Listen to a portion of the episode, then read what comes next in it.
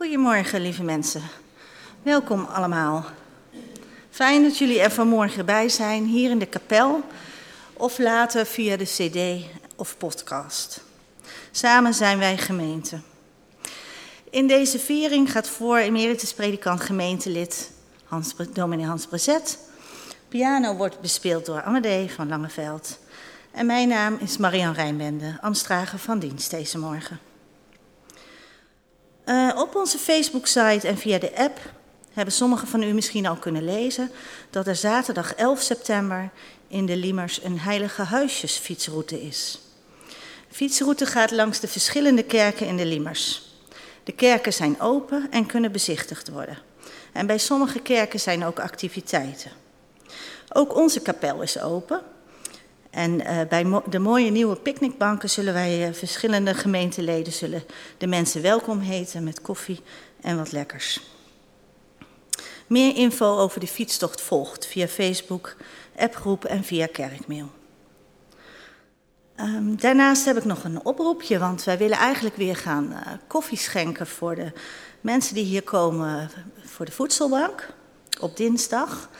En uh, nou, ik heb nu twee vrijwilligers om dat te doen, maar dat is echt te weinig. Dus ik wil eigenlijk een klein team weer vormen om uh, nou ja, mensen koffie uh, te schenken. Van 12 tot half 2 is een beetje gekke koffietijd, maar het gaat vooral om het sociale aspect natuurlijk. wat we daarmee uitdragen.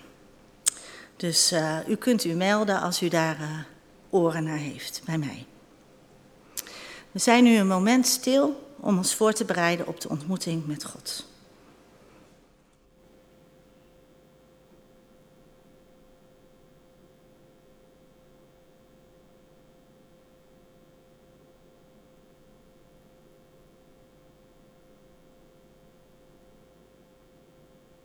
Ik wens jullie een gezegende en inspirerende dienst.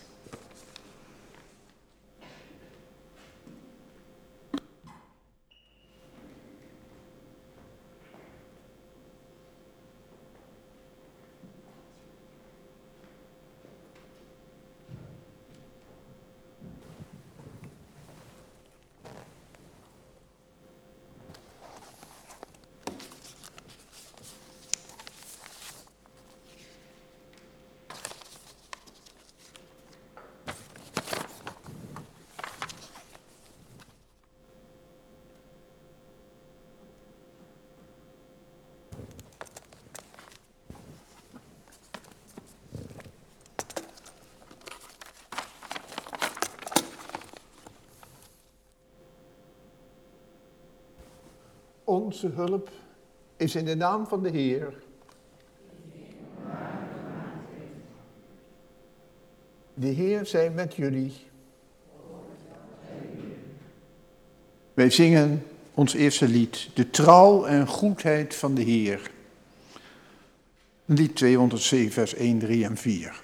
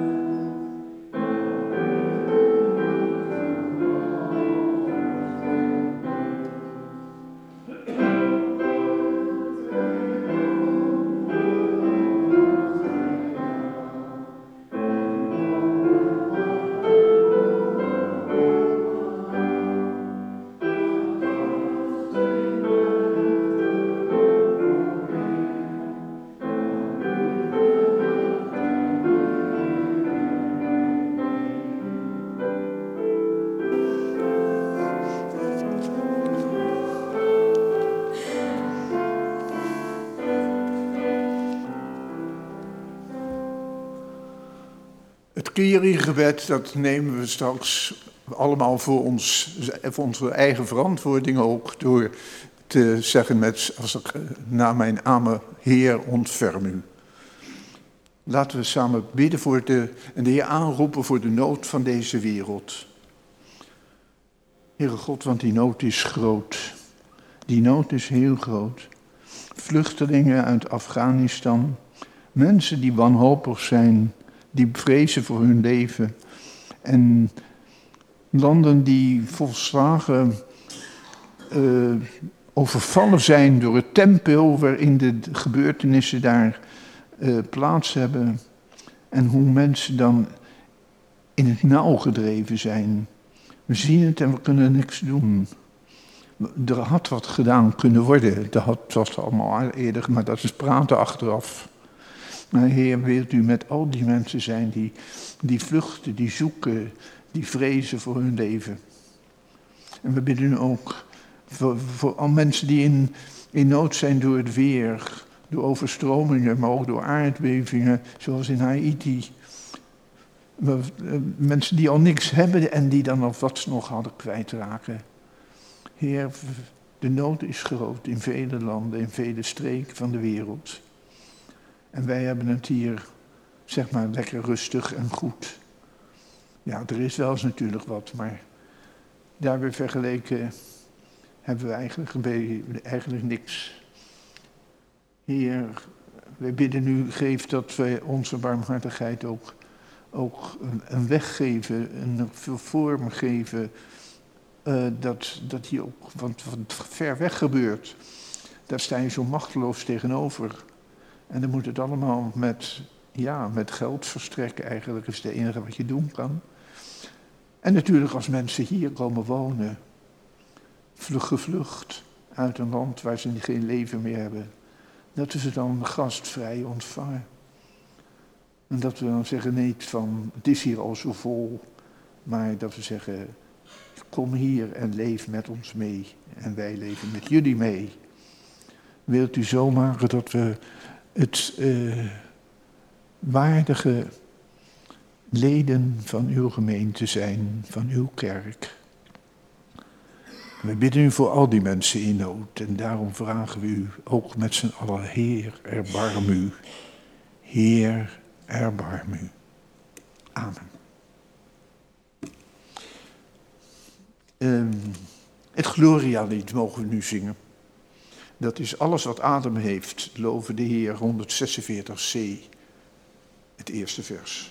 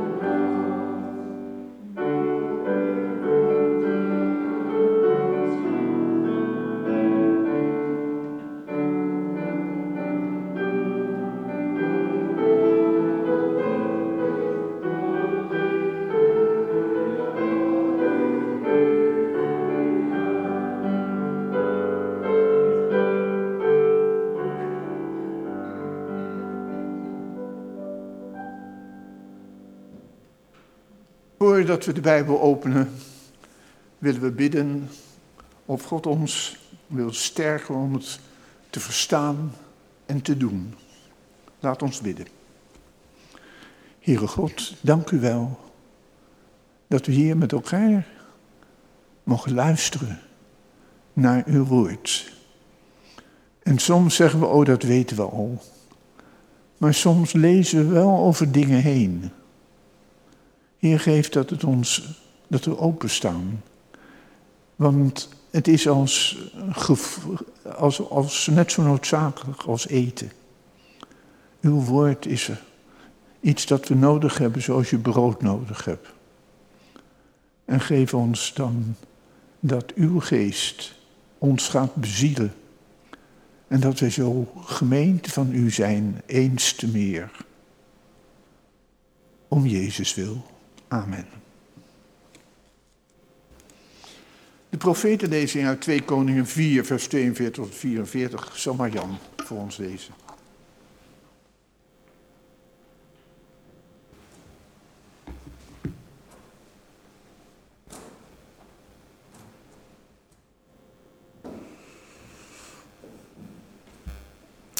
Op een keer kwam iemand uit Baal, Salisa, Elisa opzoeken. Hij bracht twintig gerstebroden voor de godsman mee, gebakken van meel uit de nieuwe oogst en een zakje verse graan. Elisa vroeg zijn, droeg zijn bediende op dit als maal aan de profeten voor te zetten. En toen de bediende protesteerde dat het beslist niet genoeg was voor honderd personen, zei Elisa nogmaals: Zet het de profeten voor, ze zullen er een maaltijd aan hebben. Want dit zegt de Heer, ze zullen ervan eten en nog overhouden ook. Toen zette zijn bediende het de profeten voor. En zij aten ervan en hielden nog over, zoals de Heer had gezegd. Zingen met elkaar lied 718, vers 1 en 2.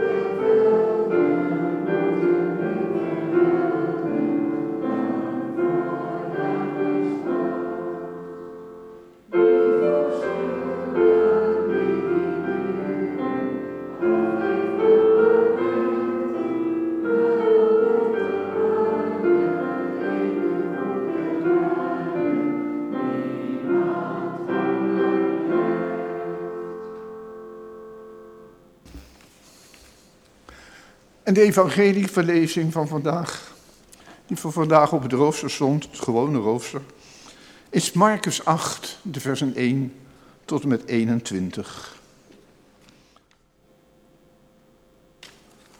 Marcus. En daarna zingen we, wat zingen we ook alweer? Oh ja, lied 383, de versen 3, 4 en 5.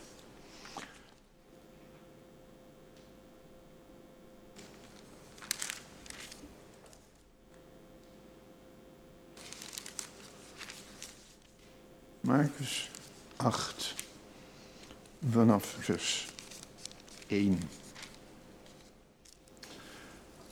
Toen er op een keer weer een grote menigte bijeen was en ze niets meer te eten hadden, riep Jezus de leerlingen bij zich en zei tegen hen, ik heb medelijden met al die mensen want ze zijn nu al drie dagen bij me en hebben niets meer te eten.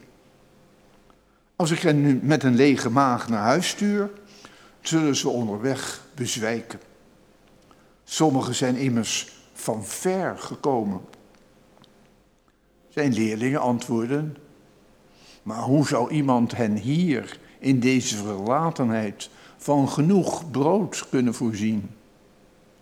Hij vroeg hun, Hoeveel broden hebben jullie? Zeven, antwoordden ze. Hij zei tegen de mensen dat ze op de grond moesten gaan zitten. Hij nam de zeven broden, sprak het dankgebed uit, brak de broden en gaf ze aan de leerlingen om ze aan de mensen uit te delen. En dat deden ze. Ze hadden ook een paar kleine vissen bij zich. Hij brak ze hij bracht ze en hij sprak er het zegengebed over uit en zei dat ze ook de vissen moesten uitdelen. De mensen aten tot ze verzadigd waren. De leerlingen haalden op wat er van, over, eh, wat van het eten overschoot, zeven manden vol. Toen stuurde hij hen weg. Meteen daarna stapt hij met zijn leerlingen in de boot en voer naar het gebied van uh, Dalmanuta. Daar kwamen de fariseeën op hem af en ze begonnen met hem te discussiëren. Om hem op het proef te stellen, verlangden ze van hem een teken uit de hemel. Jezus slaagde een diepe zucht en zei: Waarom verlangt uw soort mensen een teken? Ik verzeker u aan, mens, aan mensen als u zal zeker geen teken gegeven worden. Hij liet hen staan waar ze stonden en stapte weer in de boot en voer naar de overkant. De leerlingen waren vergeten genoeg brood mee te nemen. Ze hadden maar één brood bij zich in de boot. En hij waarschuwde hen, pas op, hoedje voor de zuurdezen van de fariseeën en voor de zuurdezen van Herodes. Ze hadden het er met elkaar over dat ze geen brood hadden. En toen hij dit merkte, zei hij, waarom praten jullie erover dat je geen brood hebt? Begrijpen jullie het dan nog niet? En ontbreekt het jullie aan inzicht? Zijn jullie dan zo hard leerst? Jullie hebben ogen, maar zien niet. Jullie hebben oren, maar horen niet.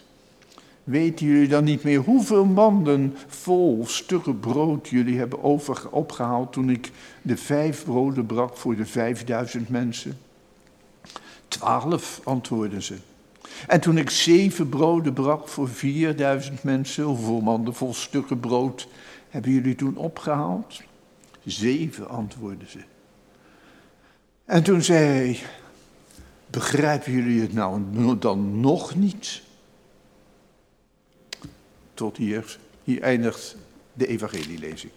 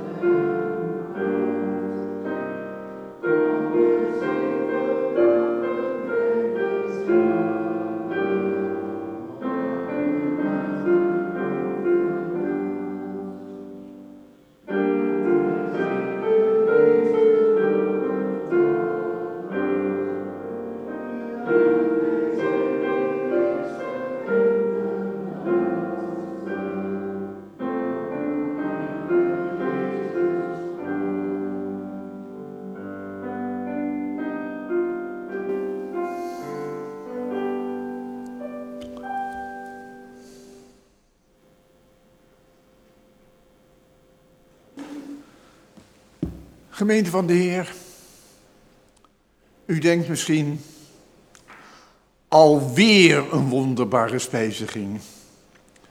Want vijf weken geleden stond er ook al een uit Marcus op het lezingenrooster. En de week daarna hebben we dat nog eens dunnetjes overgedaan. Uit het Johannes-evangelie, precies hetzelfde verhaal. Dat weten sommigen van u nog wel. En daar haalden we toen toch nog wel wat nieuws uit hier en daar. Maar het wordt wel een beetje eentonig zo, vindt u niet? Toch is het frappant. Twee zulke gebeurtenissen zo kort na elkaar. De ene aan het eind van Marcus 6 en de andere aan het begin van Marcus 8. Er zit maar één hoofdstukje tussen. Het lijkt gewoon wel of Jezus plezier erin krijgt om, van, om op grote schaal voedsel te verstrekken uit uit eigenlijk heel weinig. Maar ja, als je er zo tegenaan kijkt, wordt het een mirakel in plaats van een teken. Hoe het, hoe het nou echt gekomen is, weten we helemaal niet natuurlijk. Hoe dat allemaal lukte. Ik, je, kan het, je kan het nadoen. Ik heb het een keertje nagedaan gedaan in een gezinsdienst. En toen wilde ik de kinderen er iets van uitleggen, dat er zulke wonderen kunnen gebeuren. En toen zei ik tegen een van de kinderen die naar voren, voor had geroepen, zei ik, uh, wil je een pepermuntje? Ik haalde een rolletje king uit mijn zak en ik gaf het kind een pepermuntje. Ik zei, ja, heel jammer, ik heb, ik heb maar een, nou, ik heb wel een rolletje, maar dat is natuurlijk niet genoeg voor iedereen. Maar ik had, het zou leuk zijn om het aan iedereen uit te delen. Hè? Dus ik, alsjeblieft, begin maar. En ze begon, en het grappige was, overal, niemand wist het van tevoren, maar overal zagen de mensen die pakten een, een rolletje pepermunt uit de zak en gingen het rijtje ook langs. Ik, toen zei ik, nou, misschien is het zo ongeveer gebeurd. Maar dat weet ik niet zeker. Dat weten we helemaal niet. We willen het natuurlijk graag weten. Maar, maar goed. Maar het, is, uh, het, het blijft dus bij twee keer. Jezus heeft dus niet een, een, een firma voor opgericht voor, voor voedselverstrekking op grote schaal, als het te weinig is. Het blijft bij één keer en daarmee houdt het zijn karakter van een incident en geeft het aan dat we ons niet moeten blind moeten staren alleen maar op die concrete broden. Of we moeten afvragen hoe dat in vredesnaam gegaan is. Zo van te weinig, al brekend en delend te veel maken. Al schreef het natuurlijk wel door dat Jezus beslist ook oog heeft voor de concrete materiële nood van mensen. Voor echte honger die knaagt hier in je buik, in je maag. En, en dat, dat helpen daar waar in de wereld hongersnood is, voor ons dus ook een opdracht is. Maar goed, het betekent vast meer. Het betekent waarschijnlijk ook nog iets anders. En ik ben gaan zoeken. Door de profetenlezing van vandaag over Elisa worden we allereerst erop attent gemaakt, die stond dus ook op het rooster erbij, uh, op, op attent gemaakt dat het niet op zichzelf staat. Maar dat deze verhalen in een ruimere traditie staan. Onder andere van de profeet Elisa, die met twintig gerstebroden honderd hongerige bonden weet te voeden. Maar ook van Mozes in de woestijn, waar, uh, die, waar hij het volk het mama, manna mag voortzetten. Uh, en, en waar dan in de woestijn zelfs nog van overblijft. Ook dat dat zorgvuldig verzameld moet worden. Iedere keer. Dat is, ook bij Mozes staat dat op genoemd. Concrete, overvloedige maaltijden. Waar zoveel, als er, waar zoveel overblijft dat het de moeite waard is om het te verzamelen. En dat zijn allemaal tekenen van het bevrijdende heil van de God van Israël. Zozeer zelfs dat de eindtijd, het allerlaatste, de vervolmaking van het koninkrijk van God, waar we ons eigenlijk verder geen voorstelling van kunnen geven, maar bij voorkeur door Jezus in het beeld wordt gebracht van een overvloedige maaltijd, een feestmaal, vaak vooral een bruiloftsmaal. Zo wordt het beschreven. Maar dan nu dat Jezus het voor de tweede keer doet. We zagen onlangs al bij, groten, bij grotendeels overeenkomstige, overeenkomstige gebeurtenissen en verhalen, kunnen de verschillen tussen die verhalen ons soms op het spoor zetten. En die verschillen zijn er. Maar die verschillen tussen die twee uh, verhalen over een, uh, een merkwaardige voeden van de menigte zijn vreemd genoeg hoofdzakelijk getalsverschillen.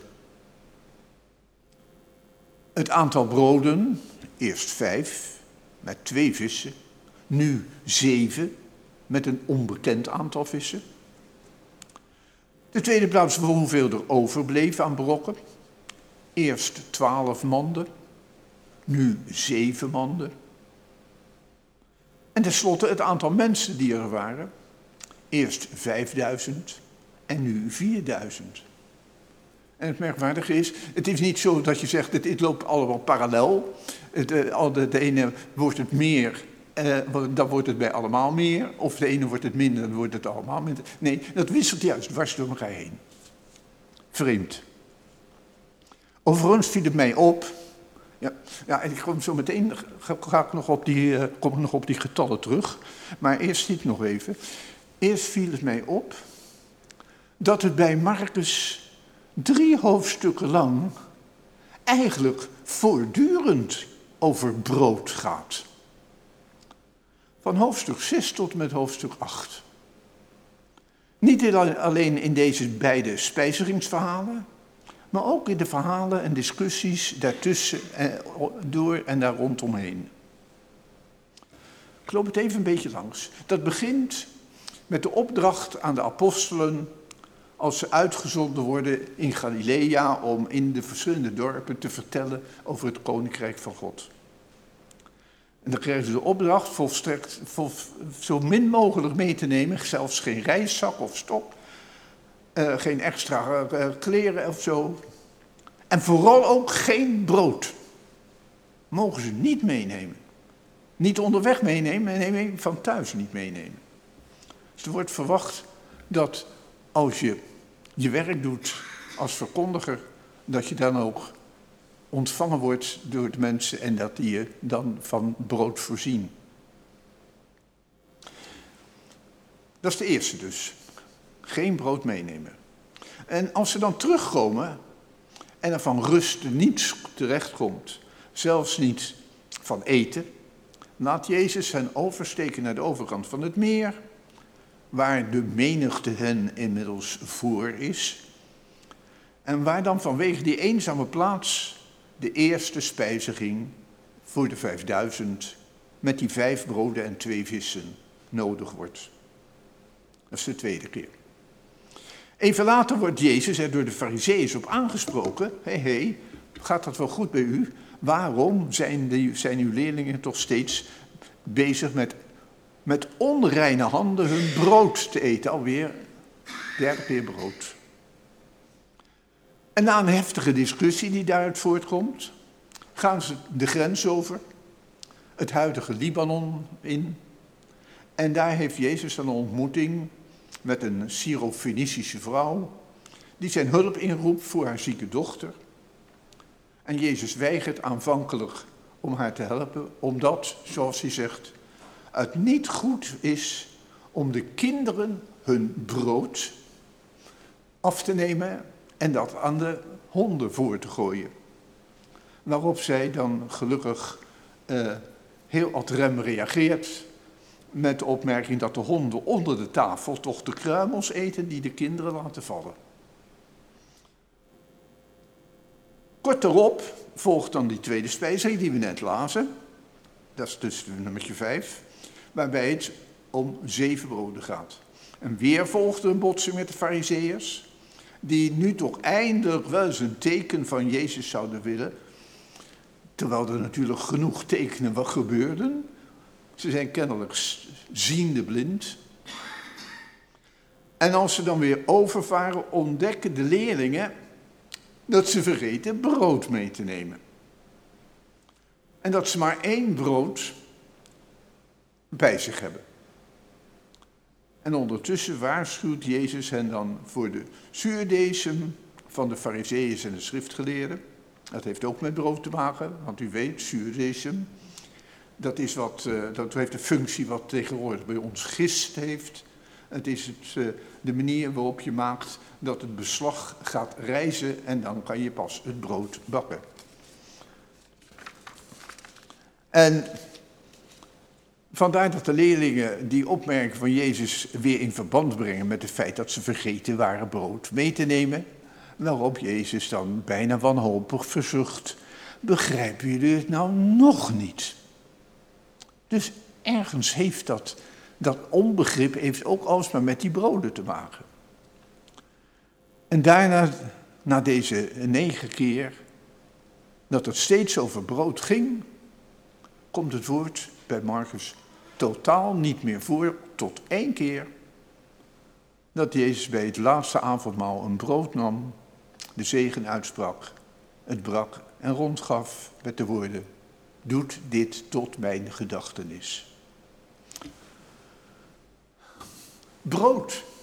Ja, wat is brood? Het is zo gewoon, zo vanzelfsprekend, zo algemeen en we kunnen er niet zonder. Brood staat dan ook vaak voor voedsel in het algemeen. En dan met name in de zin van nodig om te kunnen leven. Niet speciaal voor het lekker of iets dergelijks, maar gewoon noodzakelijk. Iedereen spreekt over je brood verdienen. En dan heb je mensen die zeggen, ik verdien, ik heb mijn, brood, goede boterham eraan. En de anderen hebben er een magere boterham. Maar iedereen heeft het over zijn brood verdienen. Ik heb nog nooit gehoord dat iemand het, eh, zijn werk omschreef als zijn vlees verdienen. Of, of uh, zijn aardappelen en groenten verdienen. En zeker niet zijn toetjes verdienen. Het is de samenvattende term brood verdienen voor het minimaal noodzakelijke voedsel. Het gaat dan niet zozeer om de luxe of de overdaad. En daarom spreken we ook, is het één woord geworden, aan elkaar gekoppeld, over brood nodig. En je kan ook van allerlei andere dingen zeggen dat ze brood nodig zijn. Uh, ik herinner me nog zo'n reclame op de, op de radio vroeger van Melisana, werd er dan gezegd. Melisana met een neuzige stem. Uh, voor uw broodnodige rust. Ja, broodnodig. En uh, daarom spreken we ook, we hebben die uitdrukking. En in onze, onze Vader deed Jezus ook ons te bidden, geef ons heden ons dagelijks brood. Of zoals de nieuwe Bijbelvertaling zegt, geef ons vandaag het brood dat wij nodig hebben. Gek dat vandaag wat opdringeriger klinkt dan heden, vind je ook niet? Maar goed, we zijn ook wat ongeduldiger geworden.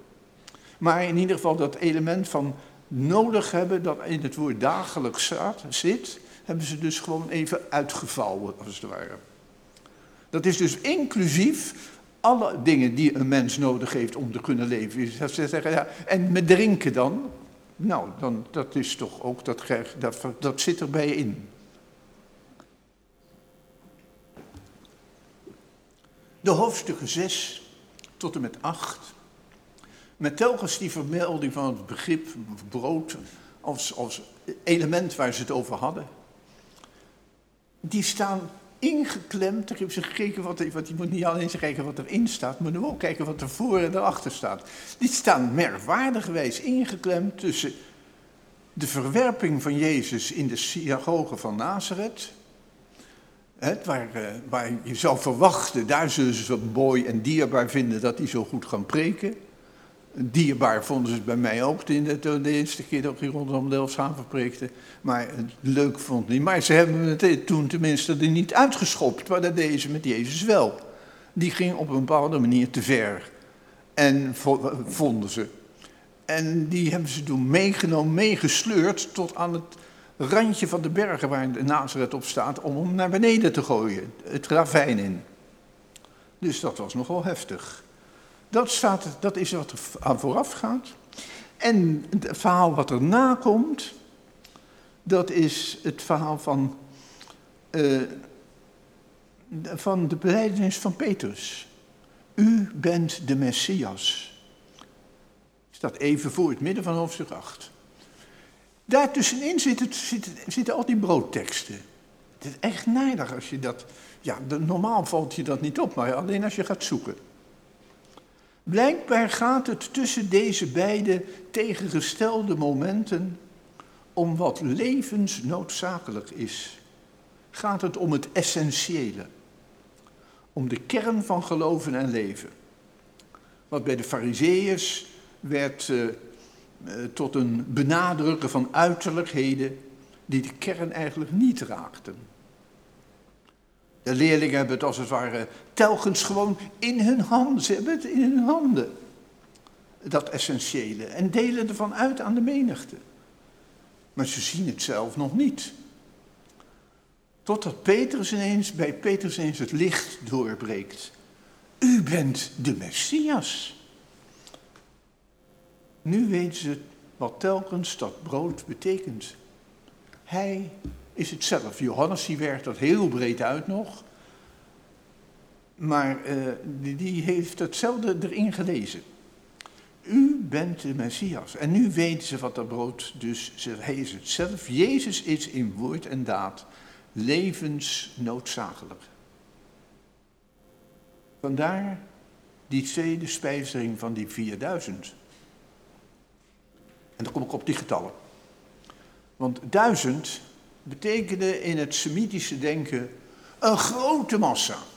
Groter hadden ze geen woord voor. Miljoen kenden ze niet, biljoen en al die dingen. Dat verstond we. Duizend was ook, voor duizend hadden ze nog een cijfer, wat een teken dat je ervoor kon gebruiken. Een letterteken, dat, dat, zij deed met, net als de Romeinen met lettertekens. Maar uh, je kon dat nog vermenigvuldigen met 1, 2, 3, 4, 5. Hè, want eerst 5000, nu 5. Soms heb je het over 10.000, zelfs over tienduizenden. Maar miljoen? Nee. Dus het is gewoon heel veel, het, het is maximaal. En dat dan met vier, en dan denk ik eigenlijk altijd bij Israël, dat dat verwijst naar de vier windstreken. En dan krijg je dat het dus, de, die duizenden staan voor de hele wereld buiten Israël. Alle volkeren van het noorden, westen, zuiden en midden en, uh, en, uh, en oosten. Alle, alle, alle vier de windstreken. En Jezus zegt ook niet voor niets daarbij, dat valt er weer ineens op, sommigen zijn van ver gekomen. Dat idee benadrukt het. En voor hem worden dan zeven broden gebroken. En ja, dat kan betekenen dat het duidt op de week zonder sabbat. Zeven dagen werken, uh, heidenen werken zeven dagen, de volken werken zeven dagen. En Israël werkt, werkt zes dagen en heeft dan zijn sabbat. Dus dat zeven, dat zou daarop kunnen duiden. Dus het kan ook zeggen dat zeven betekent volmaakt dat er eh, zeven manden met brokken overblijven. Dat het daarmee volmaakt is. Geen twaalf manden, die waren genoeg voor Israël. Maar zeven manden zou je kunnen zeggen, brood genoeg voor iedereen. Punt. Ja, ik, ik gok een beetje hoor. Je, ik weet iets van die, van die getalsbetekenissen. Maar uh, de, de, soms zit je er natuurlijk even naast, maar dit lijkt zo. En in de boot aan de overkant hebben ze dan wel vergeten mee te nemen. Maar ze hadden wel één brood bij zich. En als je dan terugkijkt vanuit die beleidenis van, van, uh, Petrus, dan denk je ja, ze hadden één brood bij zich. Jezus was immers aan boord. En dat was genoeg. En dat hadden ze inmiddels kunnen weten. Hij is het brood des levens zegt Johannes. Ja, dat is even wat, wat, niet goochelen met cijfers, maar even zoeken met cijfers. Even voelen, aftasten. Marcus zelf, of anders toch zeker zijn lezers, hebben bij alle of de meeste van deze broodteksten waarschijnlijk ook aan het avondmaal gedacht. Vooral ook bij de beide spijzeringsverhalen waarbij hij zelf brood breekt en geeft om rond te delen. En de beeldtaal van het sacrament, brood breken en delen, waarbij daar is ook het brood is de hoofdzaak en niet de wijn, de brood is de hoofdzaak. En, en dat wordt gebroken en uitgedeeld. Hij deelt, daar deelt hij zelf uit. Twaalf is nog te overzien. En maar dat zegt allemaal, die beeldtaal van brood breken en delen, zegt allemaal iets dat, dat ook Jezus, hoezeer Jezus voor ons brood nodig is. En het mooiste zou natuurlijk geweest zijn als wij vanmorgen hier met elkaar dan de maaltijd van de Heer zouden kunnen vieren. Het is bij wijze van spreken bijna een avondmaal spreken. Maar ja, dat stond natuurlijk nou weer niet op het rooster. Wij Nederlandse protestanten zijn er ook niet zo scheutig mee, helaas. In Duitsland, als je in Duitsland geweest was, dan, uh, dan was de kans veel groter geweest. Want dan, uh, is avondmaal gewoon iedere maand. Minstens iedere maand. Maar goed. Uh, maar uh, dat verandert niet aan de betekenis die je aan dit verhaal, ik zeg niet die dit verhaal heeft, maar die je aan dit verhaal kunt ontdekken. Wel is het goed daar nog één element uit naar voren te halen. Eén klein detail dat je gemakkelijk over het hoofd zou zien. Juist omdat het zo geconcentreerd is helemaal op de, Jezus is broodnodig.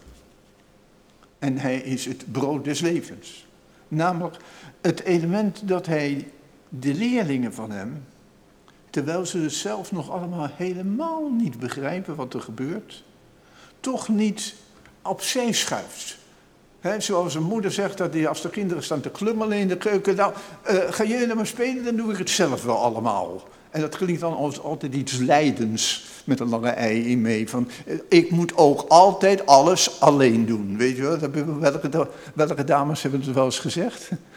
Ja, um, maar dat, dat is het dus niet. Hij stuurt ze niet opzij. Zegt niet, dan zal ik het wel allemaal doen. Uh, gaan jullie maar opzij zolang je het niet precies snapt. Nee, hij deelt niet zelf uit. Hij breekt alleen. En dan geeft hij de gebroden, gebroken broden. Dat hadden we vier weken ook, geleden ook al ontdekt. Uh, maar het is zo van belang dat ik nog even noem. Dat geeft hij dan aan zijn leerlingen om ze aan de mensen die daar zitten op het gras uit te delen. Wij worden aan het delen gezet. Jezus heeft kennelijk hun handen nodig. Het brood komt niet vanzelf bij de mensen.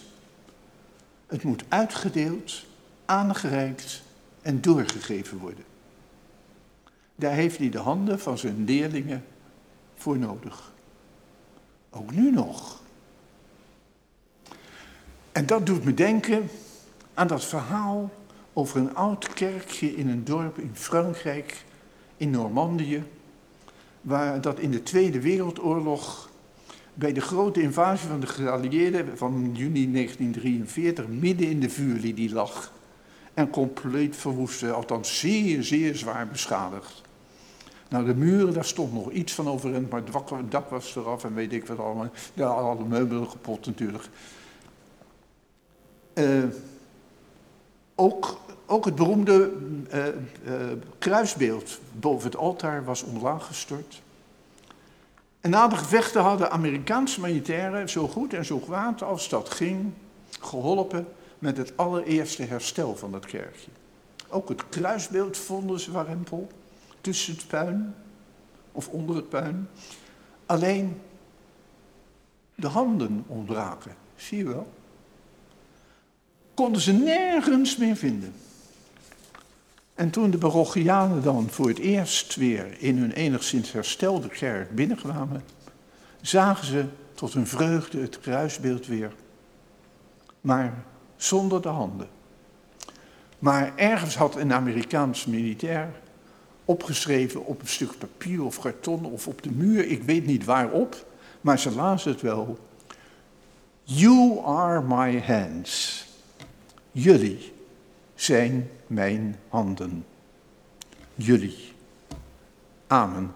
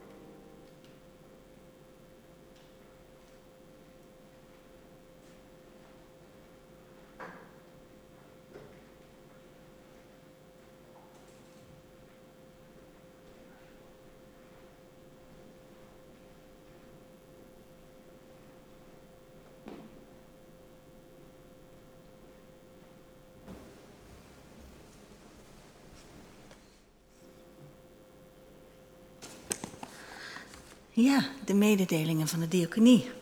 Onze handen van de gemeente, zullen we maar zeggen. Ehm, de bloemen en kaart uh, gaan vandaag uh, als warme groet en ter bemoediging naar de familie Lubbers aan de Bergallee. Uh, Anne Lubbers heeft ook in het ziekenhuis gelegen en ik ga de bloemen straks bij hem brengen. De kaart ligt op de bar, dus als iemand er nog iets op wil schrijven, dan kan dat. de collectes. De eerste collecte is voor ons vaste diaconieproject, Schuldhulpmaatje. Ook een mooi voorbeeld van nou ja, hoe we mensen kunnen helpen en kunnen delen. Uh, nou ja, er is regelmatig ook een filmpje over getoond in de dienst. En het is belangrijk werk wat deze stichting doet. Um, tweede collecte voor jeugd- en jongerenwerk. Belangrijk voor de toekomst van onze kerk. Uh, u kunt geven in de schalen bij de uitgang van de kerk en in de hal. En uh, via de Givit app of via het rekeningnummer wat u in kerkmail kunt vinden beide collectes van harte aanbevolen. Dan heb ik nog een mededeling waar ik u voor wil vragen te gaan staan. Het is een afkondiging van overlijden. Het overlijden van uh, Kobi Lauwen. Alhoewel Kobi Lauwen vijf jaar geleden naar Velp is verhuisd, was zij tot nou ja, helaas de coronatijd kwam, tot het laatste moment betrokken bij onze gemeente. Iedere twee weken nam Paul ons kerkblad met haar door. Kobi Lauwe is overleden afgelopen maandag 16 augustus, de leeftijd van 94 jaar. Vanmiddag is er van 4 tot 5 gelegenheid om afscheid te nemen op boerderij Moskowa. De crematie vindt morgen maandag 23 augustus plaats in besloten kring. Op haar rouwkaart staat een gedichtje van Huub Oosterhuis. Want niemand weet wat leven is, alleen dat het gegeven is. En dat van dit geheimenis God het begin en het einde is. We zullen zingen, niemand leeft voor zichzelf.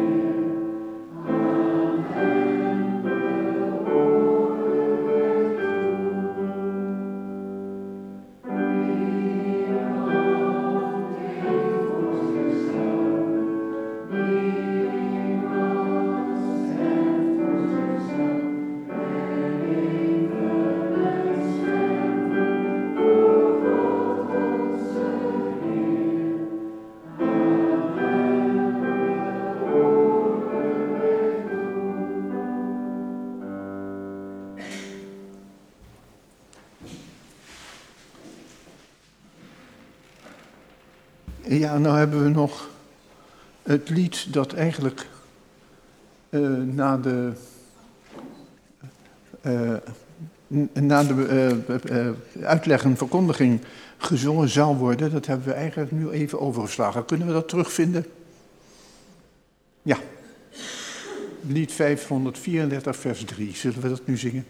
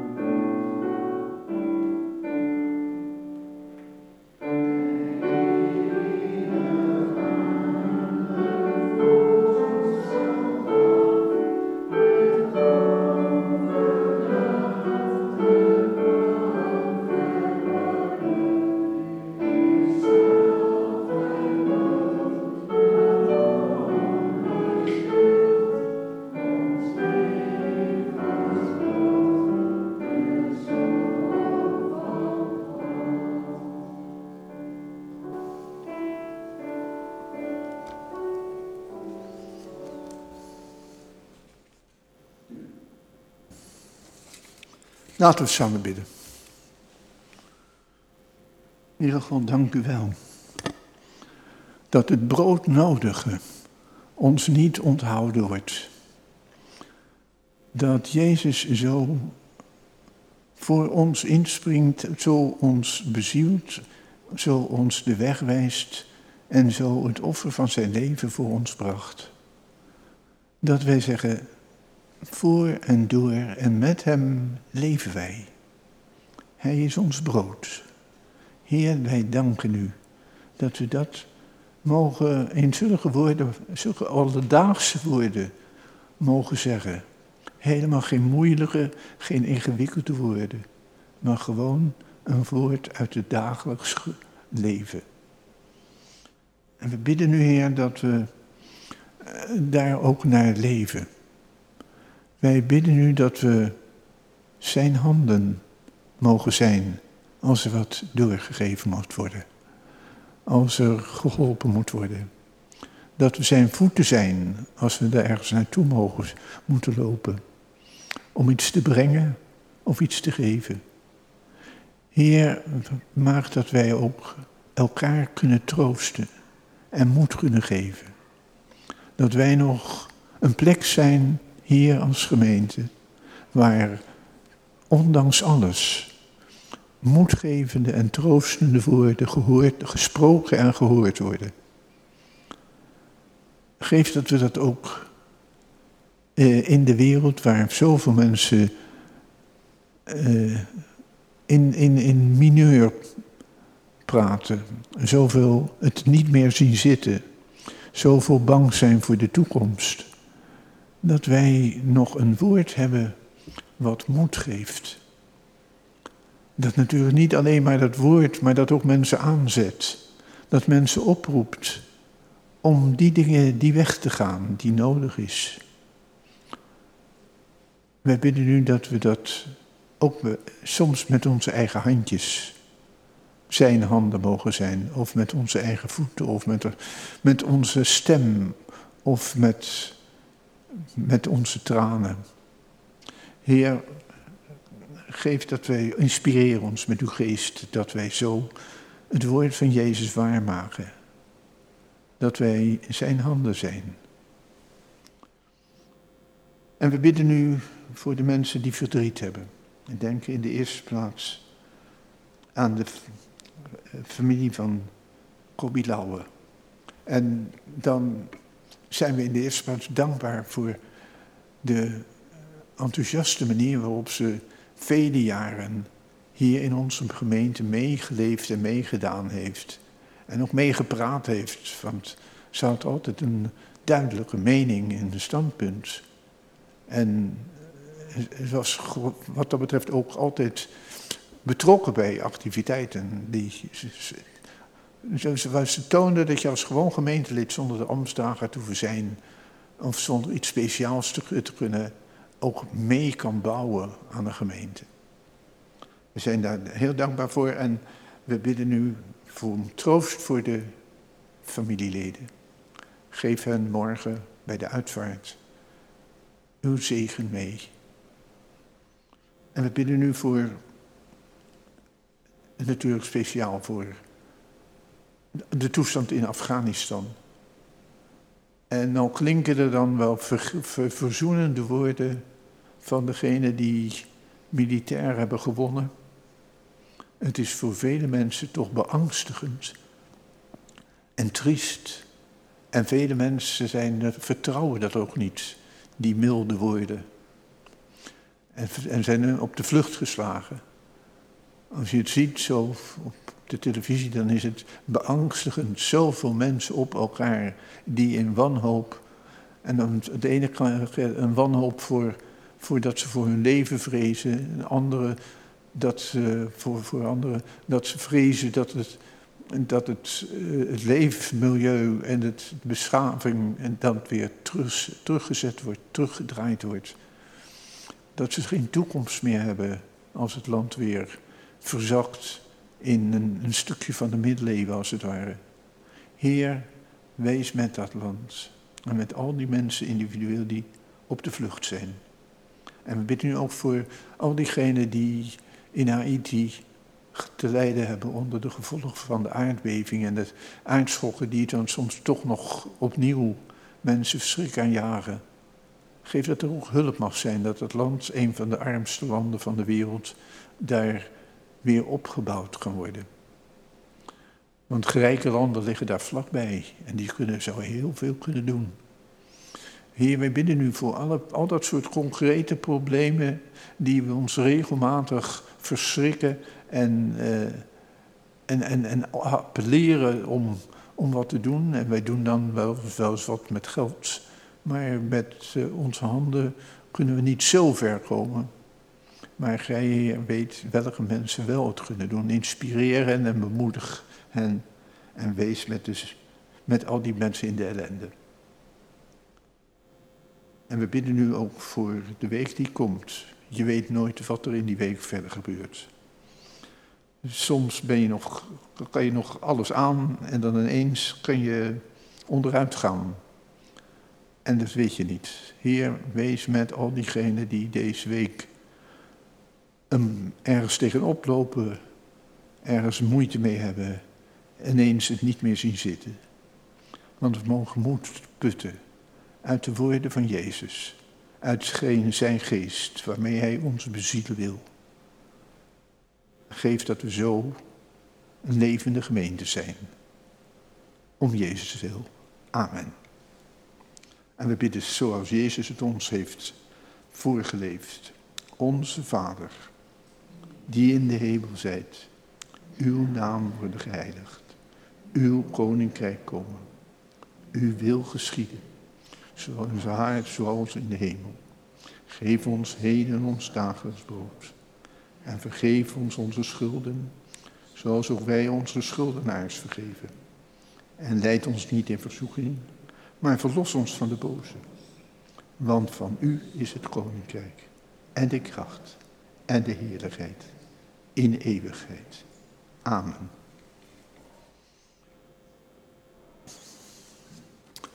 Ons slotlied is lied 425, dat al voor, vooruitloopt op de zegen die gegeven wordt.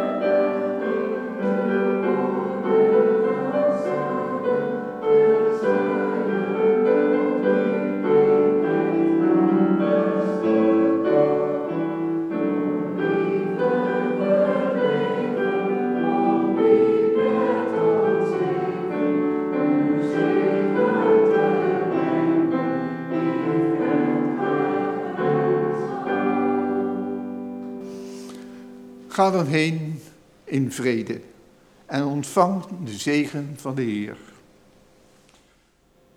De Heer zegene u en hij behoede u. De Heer doet zijn aangezicht over u lichten en zij u genadig. De Heer verheffen zijn aangezicht over u en geef u vrede. Amen.